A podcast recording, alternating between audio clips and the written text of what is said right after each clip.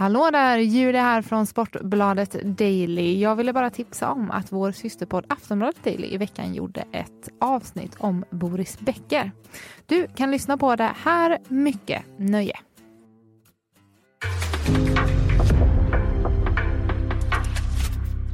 En podcast från Aftonbladet. Boris Becker gick från det här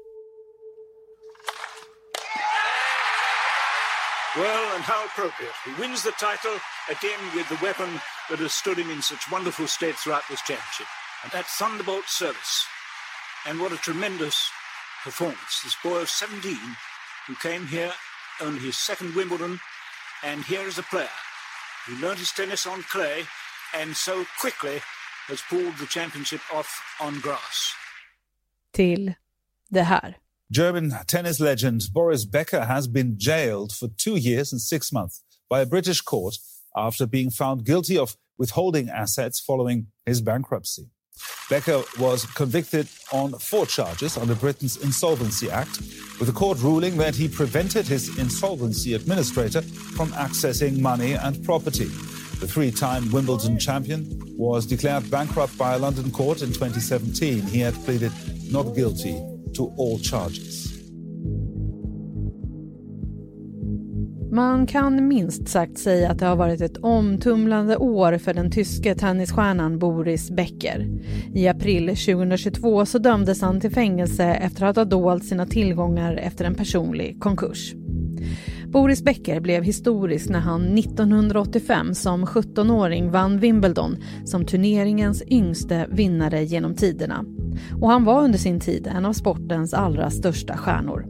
1991 så var han rankad etta i världen och han har sex Grand Slam-segrar, ett OS-guld i dubbel och totalt 49 singeltitlar på ATP-touren. Under sin karriär så spelade han också in över 25 miljoner dollar. Samtidigt så var han fansens favorit och mycket omskriven i media. Boris Becker var helt enkelt en av tennisvärldens största. Efter sin tenniskarriär så har han fortsatt varit en profil inom tennisen, bland annat som tränare för serbiska stjärnan Novak Djokovic och även som expertkommentator i TV. Men så i april förra året så dömdes han alltså till fängelse i två och ett halvt år för att ha gömt undan pengar när han försattes i personlig konkurs. I december så släpptes han efter åtta månader i två av Storbritanniens tuffaste fängelser. Boris Becker har bott i London sedan 2012 men deporterades direkt till Tyskland eftersom han inte har brittiskt medborgarskap. Hur hamnade Boris Becker i fängelse? Vad säger det här om hela tennisvärlden och vilket liv lever han idag? Det ska vi prata om i det här avsnittet av Aftonbladet Daily. Jag heter Jenny Ågren.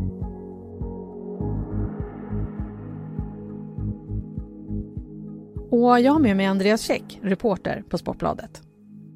Andreas, berätta för de som inte vet, hur stor tennisstjärna var Boris Becker? Ja men Boris Becker var ju en superstjärna. Eh, han slog igenom ett dunderbrak 1985 när han eh, vann eh, Wimbledon redan som 17-åring. Och han var yngst någonsin då och han är fortfarande yngst idag. Eh, och det var verkligen ett så här klassiskt fall av när någon blir stjärna över en natt liksom. Att han kom tillbaka hem till Tyskland till en helt ny verklighet. Eh, han liksom på väldigt kort tid fick i stort sett rockstjärnestatus, framförallt hemma i Tyskland, men även internationellt. Och eh, det var liksom startskotten på, på en karriär som blev eh, ja, väldigt lång och framgångsrik, men också det här kändisskapet, att han blev liksom en stjärna på ett sätt som egentligen bara Björn Borg hade varit inom tennisen innan honom. Så att väldigt mycket som förändrades där och då. Hur, hur eh, skulle du ranka Becker som spelare ur ett historiskt perspektiv? Ja, alltså så här, han är, han är långt ifrån de allra största som eh, Roger Federer och Rafa Nadal och Novak Djokovic och eh, även Björn Borg också då är ju klart större rent meritmässigt. Men eh, Becker var ju, alltså så här, det är Grand, Grand Slam-titlar som räknas och han har bara sex stycken så att han är inte här uppe bland de allra största drakarna. Men eh, det är få spelare som har haft sam, samma liksom stjärnstatus var det lika medialt eh, bevakade som, som Becker. Så att eh, absolut eh, en av de stora på så vis. Bara sex. Ja, precis. Bara sex. Det senaste året så har vi hört mycket om eh, Becker och det fängelsestraff han har avtjänat. När började det gå snett för honom? Ja, alltså det är väl, det är väl lite svårt att säga pinpointa exakt när det började barka snett, men man kan ju ana att det gjorde det ganska tidigt i och med det här plötsliga enorma genombrottet som han fick i väldigt ung ålder. Eh, däremot är det lättare att peka på vad som liksom har lett till det här ekonomiska förfallet. Eh, och delvis kan det förklaras med väldigt många dåliga investeringar. Han var inne och investerade pengar i eh, olja och gas i Afrika, i så här Ghana och Nigeria. Även inne och pilla på stålindustrin i, i eh, Indien. Eh, så där försvann väldigt mycket pengar. Också skilsmässa med hans eh, exfru då, Barbara, som blev en väldigt eh, smutsig och eh, dyr affär för honom. Eh, Barbara var gravid med deras andra barn när han eh, gick och eh, ja, gjorde en annan en rysk modell på, på smällen. Vilket ju inte var så smart. Ehm, så det blev en stor ekonomisk smäll för att han var liksom tvungen att ge upp massa fastigheter. Eh, Barbara fick ett hus i Miami. Den här modellen som han gjorde på smällen eh, köpte han ett hus åt i London. Och så vidare och så vidare. Så det har kommit uppgifter om att hela den här skilsmässoaffären kostade honom över 200 miljoner kronor. Så att bara där försvann det väldigt mycket pengar. Och hur kommer det sig sen då att han faktiskt hamnade i fängelse? Ja, men eh, som jag var inne på att det är många dåliga beslut efter varandra då. Eh, och det ledde till att han eh, försattes i personlig konkurs år 2017 eh, efter att ha tagit ett banklån för att köpa en fastighet eh, i Mallorca. Och han kunde inte betala tillbaka det här banklånet. Och sen framkom det i efterhand att han hade undanhållit tillgångar då för brittisk domstol eh, i samband med den här konkursförklaringen. Eh, så i april 2022 dömdes han eh, till två och ett halvt års fängelse i brittisk domstol. Då. Han hade bott i London i, i tio års tid. Så att ehm, där förändras ju allt. Det gjorde ju det. Och vad tror du liksom är anledningen till hans fall? Eh, nej men att han blev eh, för känd för snabbt i för tidig ålder och att han inte lyckades omge sig själv med tillräckligt eh, bra personer liksom och att han eh, han sa själv då när han vann Wimbledon som 17-åring att planen var liksom att åka dit, spela lite tennis, åka hem och gå tillbaka till skolan. Och så blev det inte riktigt. Nej. Eh, nej. Men eh, vad menar han själv då? Vad har han sagt eh, om allting och vad som har lett fram till de här problemen? Nej men egentligen precis det jag var inne på att han inte klarade av att hantera det här kändisskapet med allt vad det innebar då. Att det, det blev helt enkelt lite för mycket av det goda. Eh, en väldigt extravagant livsstil eh, som till slut spårade ur då. Och det han har gjort nu då, det är att han har suttit i ett av Storbritanniens tuffaste fängelser. Eh, och under hans tid i fängelse så nåddes vi ändå av en hel del rapporter där inifrån. Eh, hur hade han det egentligen i fängelset? Ja, alltså så här var det att när han dömdes då fördes han direkt till Wandsworth-fängelset i London. Och det fängelset har beskrivits som alltså ett riktigt skräckfängelse där de absolut värsta och farligaste brottslingarna sitter inlåsta. Eh, men där var han bara i några dagar.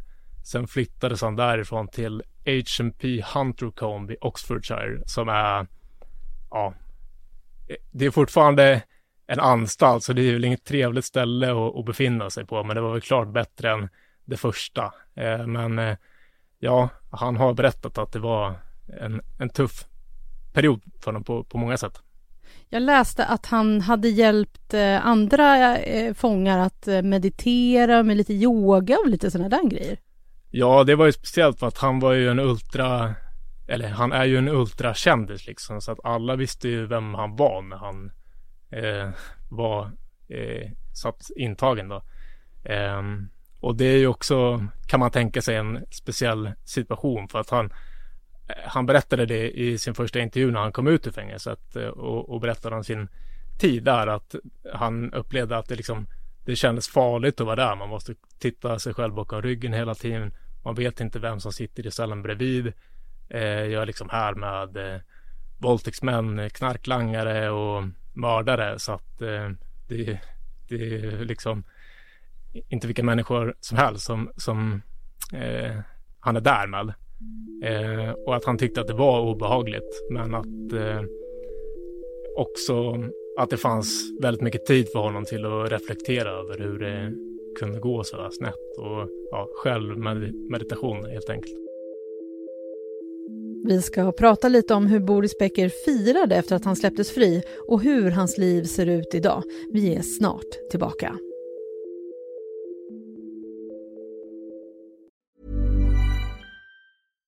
Millions of people have lost weight with personalized plans from Noom.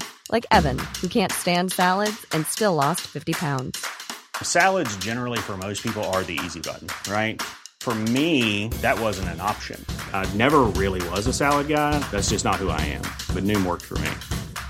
Get your personalized plan today at Noom.com.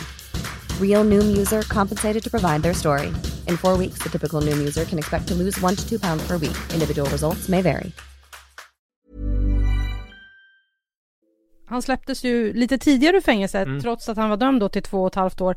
Efter åtta månader så kom han ut. Han firade genom att dra raka vägen på lyxsemester.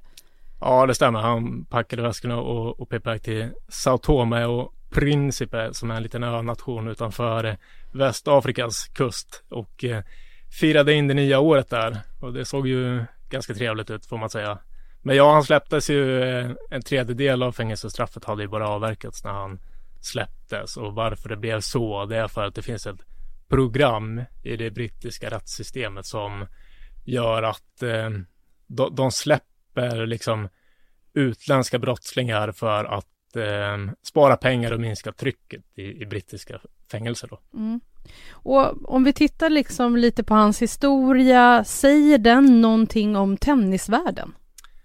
Ja, men det gör det och den säger ju något om eh, sport överhuvudtaget tycker jag. Att eh, det här att det är svårt att hantera ett stort kändisskap i ung ålder. Men också att det är svårt när karriären tar slut. För att du har vant dig vid en viss livsstil. Pengarna rullar in. Det är privatjet, det är lyxyachter och det är det ena och det andra och det tredje. Eh, men en dag så tar ju karriären de facto slut. Och eh, det blir liksom en, en smäll när den dagen kommer. Att man är inte förberedd på det. Man vet inte vad man ska göra och man hittar liksom ingenting som ersätter den här kicken man fick som eh, aktiv när man var ute och tävlade på stora arenor inför stor publik. Tror du att tennisvärlden liksom drar någon lärdom utav det? Ja, det tror jag. Framförallt eh, så är det ju ett kvitto på hur viktigt det är att omge sig själv med, med rätt personer. Eh, men sen tycker jag också att i hela liksom samhällsdebatten så pratas det mycket mer om psykisk ohälsa och, och, det är ju något vi ser inom sportens värld också att eh, eh, just svårigheten eh, när man avslutar sin karriär att man kan faktiskt behöva eh, ta hjälp och att det, det är inte lika tabubelagt att söka hjälp längre. Och Boris Becker är ju från Tyskland, även om han har bott i England de senaste åren. Hur tar man emot honom nu i, i Tyskland? Mm, eh, lite svårt för mig att dra några glasklara slutsatser där, men min känsla är att ganska många tycker synd om, om honom.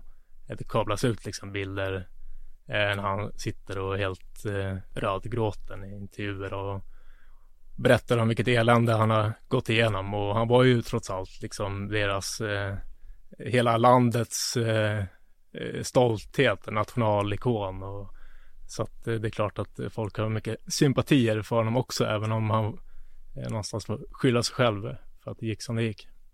Är all stjärnglans borta kring honom? Nej, eh, det är den ju inte. Så här, alltså hans rykte har ju svärtats ner lite grann. Ofrånkomligen blir det ju så. Och det är klart att det här påverkar honom. Eh, men ingen kan ju ta ifrån honom det han har gjort som tennisspelare och hans liksom framgångsrika karriär. Eh, så att hans statusen inom tennisen finns ju fortfarande kvar. Eh, det skulle jag säga. Han är 55 år nu. Hur kommer hans liv se ut eller hur ser det ut? Eh, han bor ju då i, i Tyskland eh, just nu med sin nuvarande flickvän Lilian och eh, verkar också ha en eh, bra relation med eh, alla sina barn. Eh, oklart däremot hur det står till med ekonomin men eh, det verkar inte gå någon jättenöd på honom eftersom att han kan åka på lyxsemester och sådär. Så att ja, vi, vi får väl se mm. vad, framtiden utvisar också. Och sen är han ju också då deporterad eh, till Tyskland, eh, men man antar ju att han vill tillbaka till England. När får han åka tillbaka dit då? Han får åka tillbaka dit hösten 2024 när det här två och ett halvt år långa fängelsestraffet är eh, över. Och ja, han bodde ju i London i tio års tid och jobbade som tv-kommentator för Eurosport och hade sina vänner och allt det där i England. Så att mycket talar väl för att han kommer flytta tillbaka dit, men det vet vi inte heller. Får vi se. Då kanske vi får se honom i Wimbledon 2025 då? Ja, snacket var att han ville eh, besöka senaste Wimbledon här, men det, det fick han ju inte göra. Men eh, definitivt framöver så kommer han vilja vara på plats där. Antingen i, i jobbets tjänst eller bara som vanlig åskådare. Andreas, vad tror du att vi kommer få se ut av honom framöver? Eh, också svårt att svara på, men gissningsvis så eh, går han nog tillbaka till eh, tv-jobbet skulle jag tro.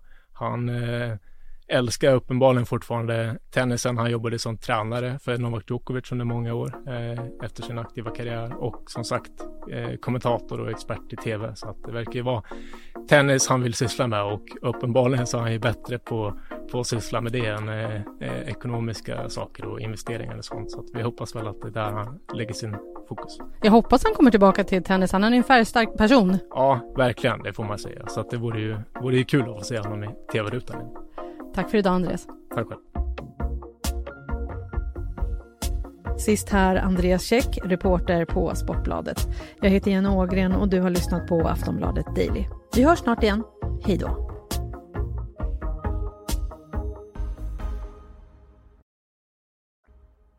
Du har lyssnat på en podcast från Aftonbladet. Ansvarig utgivare är Lena K Samuelsson.